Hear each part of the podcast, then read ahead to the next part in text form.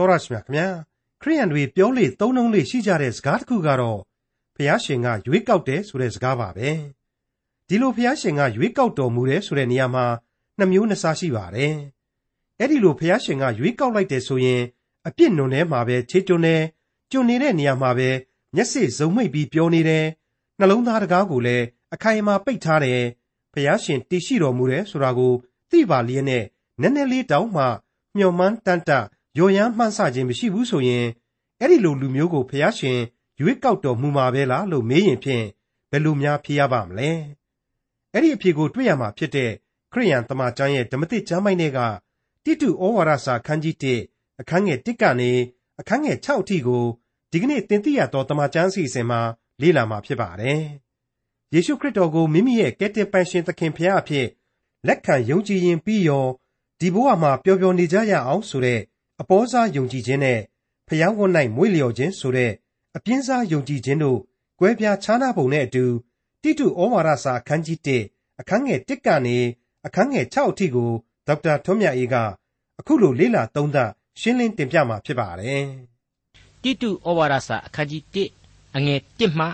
4မှုသာနှင့်ကင်းစင်တော်မူသောဘုရားသခင်သည်ရှေးကပ်ကာလမရောက်မီဂရိထားတော်မူ၍ ငါတို့ကိုကယ်တင်သောအရှင်ဘုရားသခင်၏ပြည့်ညတ်တော်အတိုင်းငါ၌အပ်ထားသောတရားဟောခြင်းအခွင့်အားဖြင့်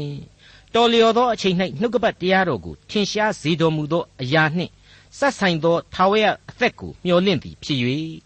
ဖျားဝတ်၌မွေးလျော်ခြင်းနှင့်ဆိုင်သောတမန်တရားကိုဝန်ခံခြင်းအလိုငှာ၎င်းဖျားသခင်ရွေးကောက်တော်မူသောသူတို့၏ယုံကြည်ခြင်းအလိုငှာ၎င်းဖျားသခင်၏ကျွန်ဒီဟုသောယေရှုခရစ်၏တမန်တော်ဖြစ်သောငါပေါလုသည် ဆက်ဆံသောယုံကြည်ခြင်းအပြင်ငါသားစစ်ဖြစ်သောတိတုကိုကြားလိုက်ပါ၏ငါတို့ကိုကယ်တင်တော်မူသောအရှင်သခင်ယေရှုခရစ်နှင့်ခမည်းတော်ဖျားသခင်အထံတော်ကကျေးဇူးဂရုဏာငြိမ်သက်ခြင်းရှိပါစေသောမိတ်ဆွေအပေါင်းတို့ခမညာအခုကြားလိုက်ရတဲ့တိတုသို့ဆိုပြီးတော့ဏိဒန်းပြိုးလိုက်ပုံကတော့တိမောသေဩဝါဒစာနှစ်ဆောင်ရဲ့ဏိဒန်းပုံစံမျိုးပဲဖြစ်ပါတယ်အခြားသောဩဝါဒစာဏိဒန်းတို့နဲ့ ပုံစံချင်းခြားနာခြင်းရှိနေပါတယ် a servant of god သို့မဟုတ်ဖျားသခင်ဤကျွန်းဆရာဟာ born slave လို့ခေါ်တဲ့ဘဝကိုအပိုင်စားပေးလိုက်ရသောအစီကံကျွန်ဖြစ်ပါတယ်ဓမ္မဟောင်းကာလရဲ့ပြည့်ညတ်တော်တွေကြားထဲမှာတွေ့ရတဲ့အချက်တွေအရဆိုရင်တော့သခင်ကသာခွင့်မပြုရင်ဘယ်နည်းနဲ့မှဘယ်တော့မှမလွတ်မြောက်နိုင်တော့တဲ့ကျွန်ရဲ့ဘဝပဲဖြစ်ပါတယ် an apostle of Jesus Christ တဲ့ယေရှုခရစ်ဤတမန်တော်လည်းဖြစ်တယ်ဆိုတာကိုပူးတွဲလိုက်ပါတယ် သူ့ရဲ့တမန်တော်ဖြစ်ခြင်းဆိုတာကိုအခိုင်အမာဖော်ပြလိုက်တာဒါကိုဘသူကမှမဟုတ်ဘူးလို့မပြောနိုင်အောင်ကိုယ့်ဘက်ကိုနီးမှန်လမ်းမှန်ကြီးညာပြီးတော့ကိုယ်တိုင်ကာကွယ်လိုက်တာပဲလို့လည်းကျွန်တော်ဆိုချင်ပါတယ်ဟုတ်ပါတယ်ယေရှုခရစ်တမန်တော်ဆိုတဲ့မဟာအခွင့်အာဏာမပါဝင်ဘဲနဲ့အရှိန်တကိုးပြင်းထန်လှတဲ့ဩဝါဒတို့ကိုသူ့မှာပြုတ်ပိုင်ခွင့်အရှင်မရှိပါဘူးဝိညာဉ်တော်ဟာလည်းသူ့ကိုဘယ်နည်းနဲ့မှလမ်းပြဆောင်ထိန်ပေးလိမ့်မယ်မဟုတ်ပါဘူးဒီနည်းအားဖြင့်ယေရှုခရစ်၏ဗျာဒိတ်တော်တို့ကို သူဟာအသင်းတော်သို့ဆက်သွယ်ပေးတယ်ဆက်သွယ်ရမှာတိတုဆိုတဲ့လူသားတယောက်စီကိုလိပ်စာတက်ပြီးပေးပို့လိုက်ခြင်းအပြင်ဆက်သွယ်ခြင်းဖြစ်တယ်တိတုမှတဆင့်ဆက်သွယ်သောအသင်းတော်ဆရာဟာအဲ့ဒီခေတ်ကတိမောသေအားဖြင့်ဆက်သွယ်ရာအေဖက်ဒီသအသင်းတော်များကိုဆက်သွယ်တဲ့ဤအတိုင်းပဲရေပုံရအားဖြင့်ကရေတီခေါ်ဂရိကျွန်းကလေးဖြစ်တယ်ထိုကရေတီမှသည်သမိုင်းအစဉ်အဆက်အတိတ်အသင်းတော်များမှအစကျွန်တော်မိษွေတို့အသင်းတော်များစီတို့တိုင်အောင် အကုန်လုံးအကျုံးဝင်တယ်ဆိုတာကိုကျွန်တော်သိနားလည်ထားဖို့အထူးပဲအရေးကြီးပါတယ်အဲ့ဒီလိုတိတုမှတဆင့်စာရေးသားရခြင်းအကြောင်းတရားများကိုလေ့လာကြည့်မယ်ဆိုရင်ဘုရားသခင်ရွေးကောက်တော်မူသောသူတို့၏ယုံကြည်ခြင်းအလို့ငှာတဲ့အဲ့ဒါကိုသို့မဟုတ်ရွေးကောက်သောသူတို့၏ယုံကြည်ခြင်းအတွက်ဆိုတဲ့သဘောကိုသွားယူလို့မရနိုင်ပါဘူးယုံကြည်ခြင်းအတွက်ဆိုတာဟာ for faith ဖြစ်ပါတယ်အခုဟာကအလို့ငှာသို့မဟုတ် according to the faith ဆိုပြီးတော့ဖော်ပြထားပါတယ် ဘုရားသခင်ကရွေးကောက်တယ်ဆိုတာဟာသီးသန့်ရွေးကောက်တာလည်းရှိတယ်လူသားတို့အနေနဲ့တစ္ဆာတရားကိုရှာဖွေပြီးတော့ခရစ်တော်ကိုလက်ခံလိုက်တာနဲ့တပြိုင်နက်တည်းအလိုအလျောက်ဘုရားသခင်ရွေးကောက်ပြီးသားဖြစ်တယ်ဆိုတဲ့ရွေးကောက်ခြင်းလို့လည်းပြောနိုင်ပါတယ်ဟုတ်ပါတယ်အပြစ်နုံမှာပဲခြေကျွန်းနေကျွန်းတဲ့နေရာမှာပဲမျက်စိစုံမိတ်ပြီးတော့ပျော်နေတယ်နှလုံးသားကခိုင်မာစွာတကားပိတ်ထားတယ်ဘုရားသခင်ရှိတော်မူတယ်ဆိုတာကိုသိပါလျက်နဲ့နည်းနည်းကလေးမှမျောတန်းတခြင်းတောင်မရှိဘူးဆိုရင် အဲ့ဒီလိုလူမျိုးကိုဘုရားသခင်ရွေးကောက်မှာပဲလားလို့မေးရင်ဘယ်လိုဖြေကြမလဲတိအပြစ်မှာပဲပျော်ခြင်းနေသည့်စိတ်အစဉ်ကြောင့်ရွေးကောက်မှာမဟုတ်နှစ်အစ္ဆထနှလုံးသားကိုကမာကျောမှုကြောင့်လက်ခံရွေးကောက်မှာမဟုတ်သုံးဘုရားသခင်ကိုသိရတဲ့တောင်မှမတန်းတနိုင်လောက်တဲ့အထိအဝိဇ္ဇာမှောင်ကျနေတဲ့အတွက်ကြောင့်ရွေးကောက်မှာမဟုတ်လို့ပဲကျွန်တော်တို့ခံယူပါတယ်ဟုတ်ပါတယ် အဲ့ဒီလိုချွင်းချက်များကလွဲပြီးတော့ဘုရားသခင်ကမေတ္တာတော်အနန္တနဲ့ရွေးကောက်တဲ့လူသားယုံကြည်ခြင်းလူသားတို့ကိုအခုဖော်ပြလိုက်တာကတော့ယုံကြည်ခြင်းအလိုငှာတဲ့တနည်းအားဖြင့်ယုံကြည်ခြင်းနှင့်လျော်ညီစွာဆိုတဲ့နောက်ထပ်အရေးကြီးတဲ့အချက်ပေါ်ထွက်လာပါတယ်ဘုရားသခင်ကရွေးကောက်တယ်ကိုကယုံကြည်တယ်ဆိုရင်ကယ်တင်ခြင်းစုကျေးဇူးကတော့ရရှိမှာအသေးချာဆိုတာကိုကျွန်တော်ယုံပါတယ်ဒါပေမဲ့ယုံကြည်ခြင်းနှင့်လျော်ညီစွာဆိုတာကို ဒီနေရာမှာအလိုငှာဆိုပြီးတော့သုံးထားတဲ့အတွက်ကြောင့်ယုံကြည်ခြင်းဟာစံချိန်စံညွှန်းတွေရှိနေသေးတယ်ဆိုတာကိုသိနာလေလာရစေပါ रे အဲ့ဒီစံချိန်စံညွှန်းတွေဟာလေအောက်ပါမေကွန်ကလေးတွေကိုဖြည့်ကြည့်ခြင်းအပြင်ယုံကြည်ခြင်းရဲ့အဆင့်အတန်းကွာခြားမှုတွေနောက်ထပ်ရှိနေတာကိုအဖြေပေးလာပါတယ်တိခရစ်တော်ကိုအသင်ဘယ်လိုထင်မြင်ယူဆပါသလဲနှစ်ကားရိုင်တော်ပေါ်မှာသူအသေးခံတော်မူခြင်းကိုသင်ဘယ်လိုသဘောထားပြီးတော့ ဒီအသေးခံခြင်းဟာသင်အဖို့ဘယ်လိုအတိတ်ပဲသက်ရောက်ပါသလဲသုံးသူ့ရဲ့ရှင်ပြန်ထမြောက်တော်မူခြင်းကိုကိုသင်ဘယ်လိုမြင်ပြီးတော့သင်ဘယ်လိုသင်အဖို့သက်ဆိုင်ခြင်းရှိပါသလဲလေးတမန်ကျမ်းစာဟူသည့်စာအုပ်တုပ်သည်ဘုရားသခင်၏နှုတ်ကပတ်တော်ဟူ၍သင်ခံယူနိုင်ရဲ့လားအဲ့ဒီမေကွန်းတွေကိုသင်တုံ့ပြန်တဲ့အဖြေအခြေအနေတွေပေါ်မှာသာလျှင်ယုံကြည်ခြင်းအဆင့်အတန်းကိုသတ်မှတ်ရမှာဖြစ်ပါတယ် အဲ့ဒီလိုအဆင့်အတန်းပေါ်မှာလေခြားနာတဲ့သီးသန့်စုကျေးဇူးတွေရှိနေသေးတယ်လို့ကျွန်တော်တို့ခံယူပါတယ်ဒါကြောင့်မို့လေကျွန်တော်တို့မိษွေတို့ရဲ့ယုံကြည်ခြင်းအဆင့်အတန်းအလျောက်ဓမ္မတရဖူဆိုတာဟာအမျိုးမျိုးအဆင့်ကွာနိုင်တယ်ကောင်းကင်ဘုံနေရာအမျိုးမျိုးဆိုပြီးတော့လေခွဲခြားမှုရှိနိုင်သေးတယ်လို့ကျွန်တော်တို့ခံယူပါတယ်ဒါကြောင့်မလို့အခုဒီနေရာမှာဖော်ပြလိုက်တဲ့ဖျားသခင်ရွေးကောက်တော်သူတို့ဤယုံကြည်ခြင်းအလိုငှာဆိုတာဟာယုံကြည်ခြင်းအပြည့်အဝရှိကြစေရန်အတွက်ဆိုတဲ့သဘောနဲ့ ထပ်တူညီမျှဖြစ်နေတယ်လို့ကျွန်တော်တင်ပြလိုက်ပါရစေနောက်တစ်ခုကတော့ဖျားဝတ်၌မွေးလျော်ခြင်းနှင့်ဆိုင်သောတမာတရားကိုဝန်ခံခြင်းဆိုတဲ့အချက်ပါပဲစောစောပိုင်းတို့ကယုံကြည်ခြင်းစံချိန်ကိုစစ်ကြောတဲ့အချက်တွေထဲမှာတွေ့ကြရပြီးဖြစ်တဲ့တမာတရားဟာဘုရားသခင်နှုတ်တော်ကထွက်လာတဲ့နှုတ်ကပတ်တော်လို့သင်ယုံကြည်ရဲ့လားဆိုတဲ့မေးခွန်းနဲ့ပြန်ပြီးတော့ဆက်ဆက်လာတယ်လို့ပဲခံစားရပါတယ်ဖျားဝတ်၌မွေးလျော်ခြင်းဆရာဟာလောကပျော်မွေ့ခြင်းတဲ့ဘုရားသခင်၌သာပျော်မွေ့ခြင်း ဘုရားသခင်နှင့်သာအတူနေခြင်းဘုရားသခင်၏သားသမီးများအဖြစ်အကျွင့်မဲ့ခံယူခြင်းစသဖြင့်ဘာပဲပြောပြောအတူတူပဲဖြစ်တယ်အစဉ်သဖြင့်သခင်နှင့်ဆိုတဲ့အသက်တာပုံစံပဲဖြစ်တယ်လို့လည်းကျွန်တော်တင်ပြခြင်းပါတယ်ဒီအချက်တွေကိုပြန်ပြီးစဉ်းစားလိုက်ရင်တမာတရားသို့မဟုတ်တစ္ဆာတရားကိုယုံပါတယ်ဘုရားသခင်နှုတ်ကပတ်တော်မှန်သိပါတယ်ဆိုတဲ့လူသားဟာအစဉ်ဘုရားသခင်၌ပျော်မွေ့နိုင်ရလိမ့်မယ်အကယ်၍အခြားသောပျော်မွေ့ခြင်းကိုသာခုန်ကူးနေပြီဆိုရင်တော့ သူ့ယုံကြည်ခြင်းဆိုတာဟာတခုခုချွတ်ချော်လန့်လွယ်နေပြီအားနဲ့နေပြီအယောင်ဆောင်ဖြစ်နေပြီစာရန်ပင်လျင်ရော၍သမနေပြီလို့ကျွန်တော်တို့ဆုံးဖြတ်နိုင်ပါတယ်အတိုင်းအဆမရှိသောအန်တရေဟာအဲ့ဒီလိုယုံကြည်သူအနာမှာလက်တကန်းအလိုကစွဲကပ်နေပြီလို့ကျွန်တော်တို့ခံယူထားကြရမှာပါဒီလိုဖျားဝတ်၌မွေးလျော်ခြင်းဆိုတာကို godliness လို့သုံးထားပါတယ်ဖျားသခင်နှင့်တူစွာနေထိုင်ခြင်းဆိုရင်လည်းမမှားပါဘူးဒါဟာ ခရစ်တေကျွန်းပေါ်မှာဘုရားသခင်ကိုပြစ်မှားတဲ့အယူဝါဒသမားတွေကြားတဲ့ကဘုရားသခင်ကိုယုံကြည်လာသူတွေအတွက်အလွန်အလွန်အရေးကြီးတဲ့လမ်းညွန်ဘဲလို့လည်းခံယူနိုင်ပါတယ်နောက်တစ်ခုကတော့ဘုရားသခင်ကိုယုံကြည်ပြီးဆိုရင်ပြီးတာပဲကွာပျော်ပျော်ကြီးနေကြပါစို့ရဲ့ဆိုတဲ့အပေါ်စားယုံကြည်ခြင်းစိတ်ဓာတ်တွေလည်းမဝင်စေခြင်းဘူးဆိုတဲ့သဘောပဲလို့ကျွန်တော်တို့ဒီနေရာမှာခံယူသင့်ပါတယ်အဲ့ဒီလိုယုံကြည်မှုအဲ့ဒီလိုတမန်တရားကိုဝန်ခံပြီးတော့ဖျားဝတ်၌မွေးလျော်မှုတို့ဟာ ဘာကြောင့်လိုအပ်သလဲဆိုတာကိုတော့ဆက်ပြီးတော့လေ့လာလိုက်မယ်ဆိုရင်မျော်လင့်မှုတစ်ခုကြောင့်ပဲဆိုတဲ့အဖြေကိုရှင်းနေအောင်တွေ့လာရပါတယ်အဲ့ဒါကတော့တခြားမဟုတ်ပါဘူးတခြားအရာကိုမျော်လင့်ခြင်းအရှင်မဟုတ်ပါဘူးနှုတ်ကပတ်တရားတော်ကိုထင်ရှားစေသောအရာနှင့်ဆက်ဆိုင်သောထာဝရအသက်ကိုမျှော်လင့်ခြင်းအကြောင်းဆိုပြီးတော့တွေ့ရပါပြီဟုတ်ပါတယ်ဖတ်ခဲ့တဲ့အခန်းကြီး1အငယ်3ထဲမှာပါဝင်တဲ့အစိတ်ပိုင်းလေးကိုပြန်လည်တင်ပြပါရစေ နှုတ်ကပတ်တရားတော်ကိုထင်ရှားစေတော်မူသောအရာနှင့်ဆက်ဆိုင်သောထာဝရအသက်ကိုမျှော်လင့်သည်ဖြစ်၍တဲ့အဲ့ဒီလိုဖော်ပြထားပါတယ်မိတ်ဆွေအပေါင်းတို့ခမညာအခုတိတုဩဝါဒစာအခန်းကြီး2အငယ်7ကနေ73အတွင်းမှာအခုလိုဖော်ပြထားတာတွေ့နိုင်ပါတယ်အကြောင်းမူကားမင်္ဂလာရှိသောမျှော်လင့်ရာကို၎င်းကြီးမြတ်သောဘုရားသခင်ဒီဟုသောငါတို့ကိုကယ်တင်တော်မူသောအရှင်သခင်ယေရှုခရစ်ဘုန်းအသရေတော်ထင်ရှားပေါ်ထွန်းခြင်းကို၎င်း ငါတို့သည်မျှော်လင့်လျက်ဖျက်မဲ့တရမဲ့နေခြင်းလောကီတက်မဲ့ခြင်းကိုပယ်ရှား၍ယခုဘဝ၌အိမ်တည်စောင့်ခြင်းတရားသဖြင့်ကျင့်ခြင်းဖျားဝတ်၌မွေ့လျော်ခြင်းတို့ကိုပြုနေရမည်အကြောင်းငါတို့ကိုဆုံးမသွန်သင်၍လူအပေါင်းတို့ကိုကယ်တင်တတ်သောဘုရားသခင်၏ကျေးဇူးတော်သည်ထင်ရှားပေါ်ထွန်းလျက်ရှိ၏မိတ်ဆွေအဲ့ဒီဖော်ပြချက်တွေအရာတစ်အတိတ်ရဲ့ကယ်တင်ခြင်းကျေးဇူးတော်နှစ်ပြစ္ဆုတ်ပံကာလမှာတည်ရှိနေတဲ့ကျွန်ုပ်တို့ကိုဆုံးမသွန်သင်ခြင်းသုံး အနာဂတ်အတွက်ဘုံအသရေတော်နှင့်ပေါ်ထွန်းခြင်းများကိုမျှော်လင့်ခြင်းဆိုတဲ့ကာလသုံးပါးစလုံးအကျုံးဝင်တဲ့ကျေးဇူးတော်ဟာအနာဂတ်မျှော်လင့်ခြင်းကိုဖြစ်စေတယ်ဆိုတာကိုအောက်မေ့သတိရစေပါတယ်ဟုတ်ပါတယ်ဒါဟာတခြားမဟုတ်ပါဘူးအခုဖော်ပြလိုက်တဲ့နှုတ်ကပတ်တရားတော်ကိုထင်ရှားစေတော်မူသောအရာနှင့်ဆက်ဆိုင်သောသာဝရအသက်ကိုမျှော်လင့်ခြင်းနဲ့အတူတူပါပဲမိတ်ဆွေအပေါင်းတို့လူဘဝမှာမျှော်လင့်ခြင်းဆိုတာတွေဟာအမျိုးမျိုးရှိသလို အစွဲအလန့်တွေနဲ့အမျိုးမျိုးယုံကြည်ခြင်းအမျိုးမျိုးပေါ်မှာအမျိုးမျိုးသောမျှော်လင့်ခြင်းတွေဟာအမြောက်အများရှိတတ်ပါတယ်ကျွန်တော်ရဲ့မျှော်လင့်ခြင်းဟာဘယ်လိုမျှော်လင့်ခြင်းနဲ့ဘာကြောင့်မျှော်လင့်ခြင်းဖြစ်တယ်လဲဒီအကြောင်းကိုစိတ်ဖြာလိုက်ရင်ထာဝရအသက်ကိုမျှော်လင့်ခြင်းဖြစ်၍ဖျားဝတ်၌မွေ့လျော်လျက်တမာတရားကိုဝန်ခံရန်ဖြစ်တယ်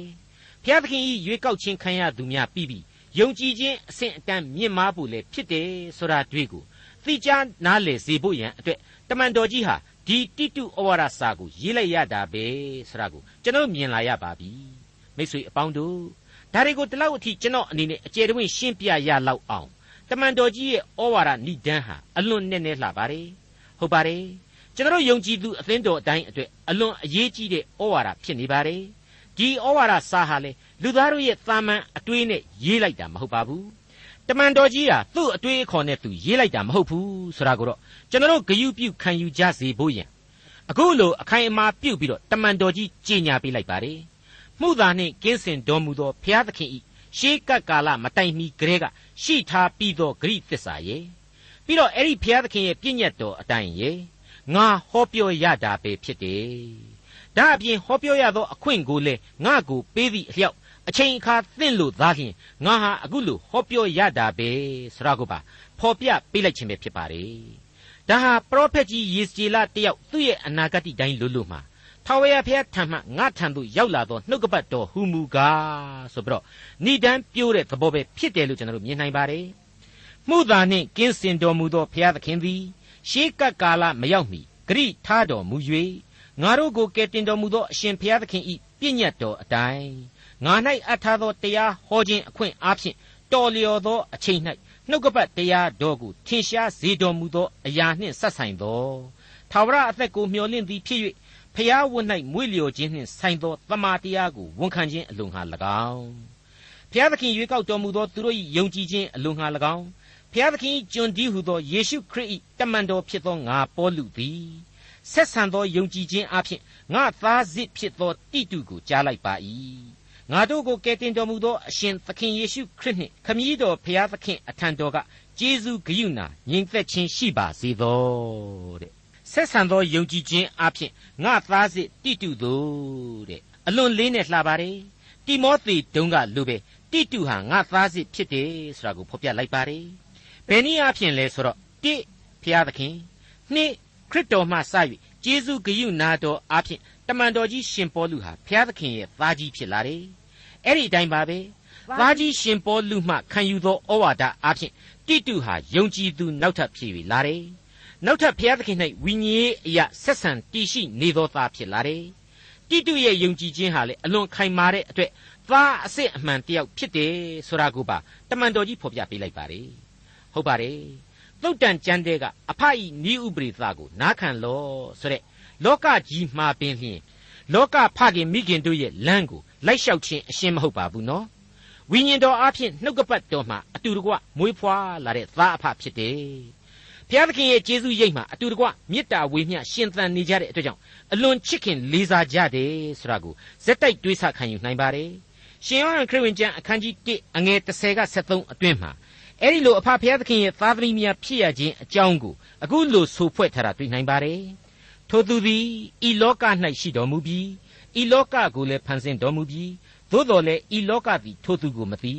သူသည်မိမိဒေသအရတ်သို့ကြွလာတော်လဲမိမိလူမျိုးတို့သည်သူ့ကိုလက်မခံဘဲနေကြ၏ထိုသူကိုလက်ခံသမျှသောသူဒီဟုသောကိုတော်ကိုယုံကြည်သောသူတို့အားဘုရားသခင်၏သားဖြစ်ရသောအခွင့်ကိုပေးတော်မူ၏ထိုသားတို့မူကားလူမျိုးနှင့်ဆက်ဆံ၍ဖွာသောသားမဟုတ်မေထုံတန်ဝါသားအဖြစ်ဖွာသောသားမဟုတ် လူအလိုလျောက်ဖွာသောသားမဟုတ်ဘုရားသခင်ဖွာတော်မူသောသားဖြစ်သည်တဲ့မိတ်ဆွေအပေါင်းတို့လောကကဘာကြီးပေါ်မှာလူသားဟာကိုယ့်ရဲ့ဇာတိနဲ့ပတ်သက်တဲ့မာမာနတွေအလွန်ထားရကြပါလေမျိုးရိုးမာနတွေလည်းအလွန်ထားရကြပါတယ်ဆိုတာကိုကျွန်တော်မငင်းနိုင်အောင်တွေ့ရပါတယ်အတိုင်းအတာတစ်ခုအထိတော့ဒါဟာကောင်းတယ်လို့ပဲလေပြောရမှာပါလူသားလူသားပြီးပြီဒါဟာရှိတဲ့လောက်တော့ရှိကြမှာပါဒါပေမဲ့တမလွန်ရေးအတွက် သို့မဟုတ်လောကုတ္တရာအရေးသို့မဟုတ်ကောင်းကင်ဘုံစည်းစိမ်ကိုခံယူခွင့်ရရှိရေးမှာကြတော့အဲ့ဒီမှတ်ပုံတင်ကပ်ပြားလေးတွေနဲ့တွက်ပြလို့မရတော့ဘူးကျွန်တော်ကတော့ဘယ်လူမျိုးပါခင်ဗျာကျွန်တော်ကတော့ဘယ်အမျိုးအနွယ်ဆင်းသက်တာပါခင်ဗျာဆိုပြီးတွက်ပြောလို့မရတော့ဘူးမရတဲ့အပြင်အခက်မသိရင်ဒုက္ခတွေတောင်တတိကြီးရောက်သွားနိုင်တယ်ဆိုတာကိုသတိပြုကြမှာပါဟုတ်ပါတယ်မိษွေတို့အနာဂတ်တွေမှာအခိုင်အမာလေ့လာခဲ့ကြပြီးသားပဲဣသရေလလူမျိုးတွေမင်းတို့သေဖို့သာပြင်ဆိုပြီးတော့ကျိမ်းပေါင်းပြစ်တင်တာတွေရှိသလို ဘာဘူးလုံအာရှုရိမောဘအေဒုံစသည်စသဖြင့်လူမျိုးအလိုက်အပြစ်စီရင်ခြင်းတွေကိုတသမတ်သေးပဲကျွန်တော်တို့တွေ့ခဲ့ရပြီးပြီပြီးတော့အဲ့ဒီလိုကိုယ့်ရဲ့ဇာတိမန်တွေကိုလေကိုဟာလောကမှားသာကောင်းမယ်ထင်ပြီးသုံးညင်ရင်သုံးတမလွန်အတွက်ကတော့ဇာတိမန်တွေတဲ့ကိုဟာအပြစ်တင်သောလောကသားတယောက်အနေနဲ့သားလျင်အဖဖျားသခင်သားသမီးများအဖြစ်သားသမီးအဖြစ်ပုံမနှစ်သက်သဘောကျခံယူသင့်တယ်လို့ကျွန်တော်တင်ပြလိုက်ပါတယ် ဖျားသခင်ဤသားသမီးများဖြစ်ခြင်းဆရာဟာလေကိုဟာသေရမယ့်လူသားတယောက်ဘလောက်ပဲဖြစ်နေနေဖျားသခင်ကဲ့သို့ပင်အသက်ရှင်ခွင့်ရှိရလိမ့်မည်ဆရာကိုဆာလံဆရာဟာသူ့ရဲ့82ခုမြောက်သောဆာလံမှာအခုလိုဖော်ပြပေးထားပါတယ်82ခုမြောက်သောဆာလံရဲ့အငယ်1အရာဖျားသခင်သည်ဖျားတို့ဤပြိဿတ်၌ရက်လျက်နေတော်မူ၍ဖျားတို့အလယ်၌စီရင်တော်မူ၏ဆိုပြီးတော့ဖော်ပြထားပြီးတဲ့နောက် လူသားတို့ရဲ့အလယ်မှာပဲအစဉ်တရားစီရင်ပိုင်တယ်ဆိုတာကိုပါပူးတွဲအနှစ်သာရအဖြစ်ဖော်ပြပေးထားပါတယ်တခါအဲ့ဒီကျမ်းမှာဆက်လိုက်ပြန်တာကတော့အငယ်နှစ်မှရှစ်အရာအခုလိုဖြစ်ပါတယ်သင်တို့သည်မတရားသောသူတို့ဤမျက်နှာကိုထောက်၍အဘယ်မျှကာလပတ်လုံးမတရားသဖြင့်စီရင်ကြမည်နီဆင်းရဲသောသူနှင့်မိဘမရှိသောသူတို့ကိုစောင့်မကြလော့ညိုညင်သောသူနှင့်ငတ်မွတ်သောသူတို့၏တစ်ဖက်၌သူတို့ဘက်၌တရားစီရင်ကြလော့ဆင်းရဲသောသူနှင့်ငတ်မွတ်သောသူတို့ကို မတရားသောသူ၏လက်မှကယ်နှုတ်ကြလော့သူတို့သည်မသိနားမလေကြမှောင်မိုက်၌ကျင်လေကြ၏မြေကြီးတိုက်မြေအပေါင်းတို့သည်လှုပ်ရှားလျက်ရှိကြ၏သင်တို့သည်ဖျားဖြစ်ကြ၏ရှိသမျှတို့သည်အမြင့်ဆုံးသောဖျား၏သားဖြစ်ကြ၏ဟုငါဆိုသည်သို့တော်လေသင်တို့သည်လူကဲ့သို့သေ၍အခြားသောမင်းကဲ့သို့ဆုံးရှုံးခြင်းသို့ရောက်ကြလိမ့်မည်။အိုဖျားသခင်ထ၍မြေကြီးကိုတရားစီရင်တော်မူပါ ကိုတော်သည်လူမျိုးအပေါင်းတို့ကိုအပိုင်ရတော်မူ၏အဲ့ဒီလိုတွေ့ရခြင်းဖြစ်ပါတယ်အပြစ်ဇာတိနဲ့လူသားသေကိုသေရမှာကတော့အမှန်ဒါပေမဲ့အနန္တစัจ java လာကိုပိုင်သတဲ့အဖေရှိနေတယ်သူနဲ့အတူအသက်ရှင်သန်ပြီးတော့သူနဲ့အတူဘဝကိုကုံဆုံးဖို့ရန်အတွက်ဘလောက်အရေးကြီးနေတယ်ဆိုတာကိုဒီဆာလံတီချင်းဟာဖော်ပြနေပါတယ်မိတ်ဆွေအဖဖျားသခင်ရဲ့သားသမီးများဖြစ်ခြင်းအဖြစ်ကိုဟာသေရမယ့်လူသားတယောက်ဘလောက်ပဲဖြစ်နေနေ အဖဖျားသခင်ကဲ့သို့အသက်ရှင်သန်နိုင်ခွင့်ရှိနေပါတယ်မိတ်ဆွေအပေါင်းတို့အခုအချိန်မှာတော့တာဝန်နှင့်ဝတ္တရားများဆိုပြီးတော့ကျွန်တော်တို့လိုက်နာရန်ဝိညာဉ်ရေးနဲ့လူမှုရေးစည်းကမ်းချက်များကိုတိတုမှတဆင့်ကျွန်တော်တို့အတွက်ဘုရားသခင်ရဲ့ဗျာဒိတ်များဟာအခုလိုဆက်လက်ပေါ်ထွက်လာပါတယ်တိတုဩဝါဒစာအခန်းကြီး1အငယ်9နှင့်6ငါသည်သင်ကိုမှားထားခဲ့နှင့်သည့်အတိုင်းကရေတီကျွန်း၌မစုံလင်သမျှတို့ကိုပြင်ဆင်၍ ထိုမြို့များ၌သင်းအုပ်တို့ကိုခံထားခြင်းငှာထိုကျွန်း၌သင်ကိုငါထားခဲ့သည်အပြစ်တင်ခွင့်နှင့်ကင်းလွတ်သောသူမယားတယောက်ထီရှိသောသူဖြစ်လျင်၎င်းသူ၏သားသမီးတို့သည်ကာမဂုဏ်၌လွန်ကျူးသည်ဟုအပြစ်တင်ခြင်းနားမထောင်ခြင်းနှင့်လွတ်၍ယုံကြည်လျင်၎င်းထိုသို့သောသူကိုခန့်ထားအပ်၏တမန်တော်ကြီးရှင်ပေါလုအနေနဲ့ကရေတေကျွန်းကလေးမှာတပည့်တော်လေးတိတုကိုထားခဲ့ရခြင်းဟာ အသင်းတော်ကြီးတွေတိဆောက်ဖို့နဲ့သင်းအုပ်ဆရာတွေကိုခန့်ထားဖို့ပဲဆိုတာကိုတွေ့လာရပါတယ်။ Greek ဆိုတာဟာမြေထဲပင်လယ်တဲကကျွန်းတွေတဲမှာတော့အကြီးဆုံးသောကျွန်းကြီးတစ်ကျွန်းဖြစ်တယ်။ Greek ယဉ်ကျေးမှုနဲ့ဆက်ဆက်နေတဲ့အဲ့ဒီခေတ်ကျွန်းတွေအဲ့ဒီခေတ်နိုင်ငံတွေရဲ့ထုံးစံအတိုင်းပဲနတ်ကိုးကွယ်ယုံကြည်မှုနဲ့အစဉ်အလာအစွဲတွေဟာသိပ်ပြီးတော့ကြီးမားနေခဲ့တယ်ဆိုတာကိုကျွန်တော်တို့သိနိုင်ပါတယ်။ သူတို့ရဲ့ပြောထုံးအစဉ်အလာအရသူတို့ကျွန်းကိုနတ်ဖျားတွေကပဲအုပ်ချုပ်ပြီးတော့ဒန္တာကြီးဆန်းဆန်းဆိုသလိုနတ်အချင်းချင်းတိုက်တဲ့တိုက်ပွဲကြီးတွေတောင်မှဒီကျွန်းပေါ်မှာဖြစ်ခဲ့ဘူးတယ်လို့ဆိုကြပါတယ်ခရစ်တော်မပေါ်ထွန်းမီ BC 80လောက်မှာတော့ Greek တွေရဲ့လက်ထက်ကနေပြီးတော့ယောမလက်အောက်ခံကျွန်းကြီးတစ်ခုအဖြစ် Greek ဟာပြောင်းလဲသွားပြန်ပါတယ်သူ့ရဲ့အဓိကမြို့တော်ကြီးတွေကတော့ Knossos, Sidonia နဲ့ Gortyna ဆိုပြီးတော့ကျွန်တော်တို့သိရပါတယ်မိတ်ဆွေအပေါင်းတို့ တမန်တော်ကြီးနှစ်ပါးဖြစ်တဲ့ရှင်ပေတရုနဲ့ရှင်ပေါလုတို့ရဲ့အကြောင်းကိုသာအဓိကရဗဟိုပြုပြီးတော့မှတ်တမ်းပြုထားတဲ့တမန်တော်ဝတ္ထုတွေထဲမှာဘာမှအကျယ်တွင်မတွေ့ခဲ့ရပါဘဲနဲ့ဒီကရေတေကျွန်းကလေးဟာဒီလောက်အထိအသင်းတော်တွေအပြိုင်အယိုင်ဖြစ်နေတယ်ဆိုတာကိုထောက်ထားလိုက်ရင်ကျွန်တော်တို့သေချာမသိရဘဲနဲ့ရှိခဲ့တဲ့ဓမ္မသမိုင်းဤစာမျက်နှာတွေဟာအများကြီးရှိနေမှာပဲအကုန်လုံးကိုသာရိုးမဲ့ဖွဲ့ထားပြီးတော့ ဘုရားသခင်ကသာထဲ့သွင်းစေဆိုလို့များကျမ်းစာထဲမှာကရေတေမှတ်တမ်းတို့စပိနာလို့ခေါ်တဲ့စပိန်ပြည်ရောက်မှတ်တမ်းတို့ကိုသာများဖတ်ရမယ်ဆိုရင်ဘလောက်ဖတ်လို့ကောင်းမလဲလို့ကျွန်တော်တွေးမိပါတယ်ဟုတ်ပါတယ်တမန်တော်ဝတ္ထုအဖြစ်စပိန်ဘက်ကိုတမန်တော်ကြီးသွားဖို့အကြံရှိခဲ့တယ်ဆိုတာကိုအသေးချာတွေ့ရထားတဲ့အတွက်တမန်တော်ကြီးဟာအမှန်တကယ်ဥရောပတိုက်သေးအထိထိုးဖောက်သွားခဲ့တယ်စပိန်နိုင်ငံသာမကဘူးအင်္ဂလန်ထိတောင်ရောက်တယ်လို့ကျွန်တော်တို့ခံမှန်းပါတယ်ဒါပေမဲ့ဘယ်လိုပဲဖြစ်ဖြစ်ပါ ဘုရားသခင်ကထည့်သွင်းစေဆိုလို့ထည့်သွင်းထားတဲ့ကျမ်းတူတို့အားဖြင့်ပင်လျင်ရယူစရာဝိညာဉ်ခွန်အားတွေဟာအကျွင့်မဲ့ပြည့်စုံနေတယ်ရသဂုံမြောက်နေတယ်ဘုရားသခင်ပေးတော်မူသောအသက်တရားကိုအကောင်းဆုံးဖော်ပြနိုင်နေပြီနှုတ်ကပတ်တော်ရဲ့ကနဦးအသင်းတော်များသမိုင်းဟာလုံလောက်ချင်းရှိနေပြီလို့ပဲကျွန်တော်တို့ခံယူပြီးတော့ဖြေသိမ့်မိပါတယ်မိတ်ဆွေအပေါင်းတို့အခုကျမ်းမှာပါဝင်တဲ့အချက်တွေအရကရေတေရှိမြို့ရွာအသင်းတော်များရှိနေသ ည်ကရေတေ၌မြို့ရွာများ၌အသင်းတော်များရှိနေသည်သို့သောအသင်းတော်ကိုအုပ်ချုပ်ရမည်သင်းအုပ်များလိုအပ်နေပါသဖြင့်ရှာဖွေခန့်ထားရန်တိတု၌တာဝန်ရှိနေပြီဒီအချက်ဟာဒီအပိုင်းမှာပေါ်လည်လာပါတယ်အဲ့ဒီလိုခန့်ထားရမယ်သင်းအုပ်များကတော့အငယ်6အရာအပြစ်တင်ခွင့်နှင့်ကင်းလွတ်သောသူကိုခန့်ထားအပ်၏တဲ့မိတ်ဆွေအပေါင်းတို့အပြစ်တင်ခွင့်နှင့်ကင်းလွတ်သောသူဆိုတဲ့အချက်ရဲ့မယားတယောက်ကြီးရှိသောသူဆိုတာကိုပါပူးတွဲဖော်ပြထားတာတွေ့ရပြန်ပါတယ် အဲ့ဒီတိုင်းပါပဲတိမောသေဩဝါဒစာပထမစာဆောင်အခန်းကြီး3ဖော်ပြချက်တွေမှာလေကျွန်တော်တို့တွေ့ခဲ့ကြပြီးသားပါလူပိန်းစကားနဲ့ပြောရရင်တော့မိမကိစ္စမှာမရှင်းမရှင်းမဖြစ်စေနဲ့လို့ဆိုခြင်းဒါပဲလို့ကျွန်တော်တွက်ဆပါတယ်အမှန်ကတော့အနေအထိုင်အပြုအမူတွေကိုဆင်ကျင်ဖို့သတိပေးလိုက်တာပါဒီဝိယုံကိုခြုံပြီးဆိုရင်တော့ဒါတွေကိုရှောင်ကိုရှောင်ရမှာပဲမိတ်ဆွေအပေါင်းတို့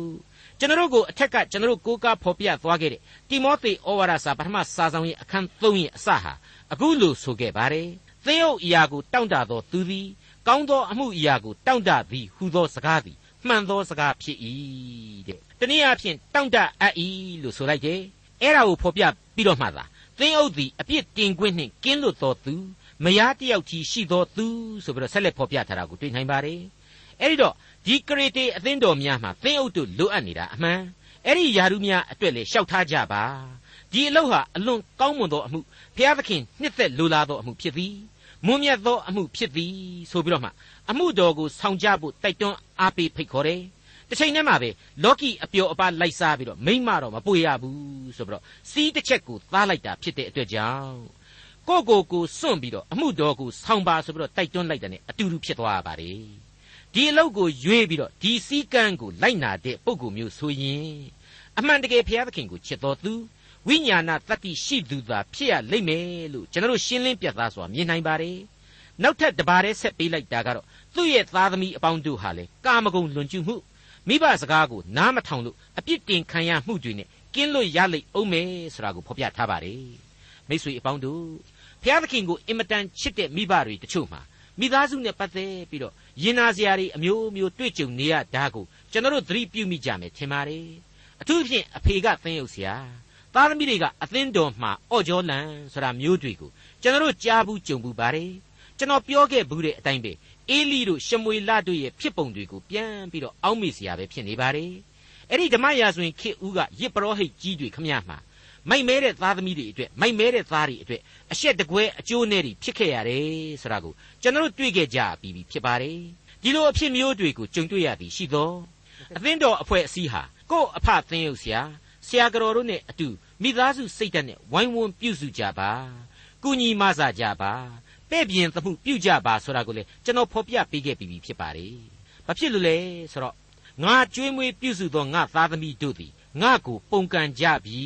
ဆိုပြီးတော့ဖျားသခင်ကိုတော်တိုင်ဟာတောင်မှအပုံအကန်အတော်အလှန်ခံခဲ့ရသေးတယ်ဆိုတာကိုဟေရှာယအနာဂတိကျမ်းအစမှာကျွန်တော်တို့လေ့လာခဲ့ကြပြီးပါပြီဒီတော့လူအဖွဲ့အစည်းအတွင်းကမိဘတို့ကိုအပြည့်မျိုးဆက်သာဖြစ်သောလူသားသားသမီးအပေါင်းတို့ဟာဒီလိုပဲပုံကန်ထောင်ထားခြင်းတွေရှိနိုင်တာပဲလို့သင်ခန်းစာယူကြမှာပဲလို့လည်းကျွန်တော်ဖော်ပြခဲ့ပူပါသေးတယ်ဘယ်လိုပဲဖြစ်ဖြစ်ပါ အဖဖျားသခင်ရဲ့ဗိမှန်တော်ကိုဦးစီးဦးဆောင်လုပ်ရမယ်လူတွေလူတယ်အလွန်မြင့်မြတ်သောအမှုတော်ဖြစ်တဲ့အတွက်ကြောင့်ပါဝင်ကြပါဆိုတဲ့ဖိတ်ခေါ်တဲ့နဲ့အတူအကျွင်းမဲ့အပြစ်တင်ခွင့်နှင့်ကင်းလွတ်ပါစေဆိုတဲ့အချက်ကြောင့်ဒီတာဝန်ဟာလောကီရေးအရာစွန့်လွတ်အနစ်နာခံရသောအလုပ်ဖြစ်တဲ့အကြောင်းဖျားသခင်အလေးနဲ့ပြုဖော်ပြပေးလိုက်ပါတယ်ဒေါက်တာထွန်းမြတ်ရေးစီစဉ်တင်ဆက်တဲ့တင်ပြတော်တမချန်းအစီအစဉ်ဖြစ်ပါတယ်နောက်တစ်ချိန်အစီအစဉ်မှာ တိတုဩဝါဒစာအခန်းကြီး1အခန်းငယ်9ကနေအခန်းငယ်16အထိကိုလေ့လာမှာဖြစ်တဲ့အတွက်စောင့်မျှော်နားဆင်နိုင်ပါတယ်။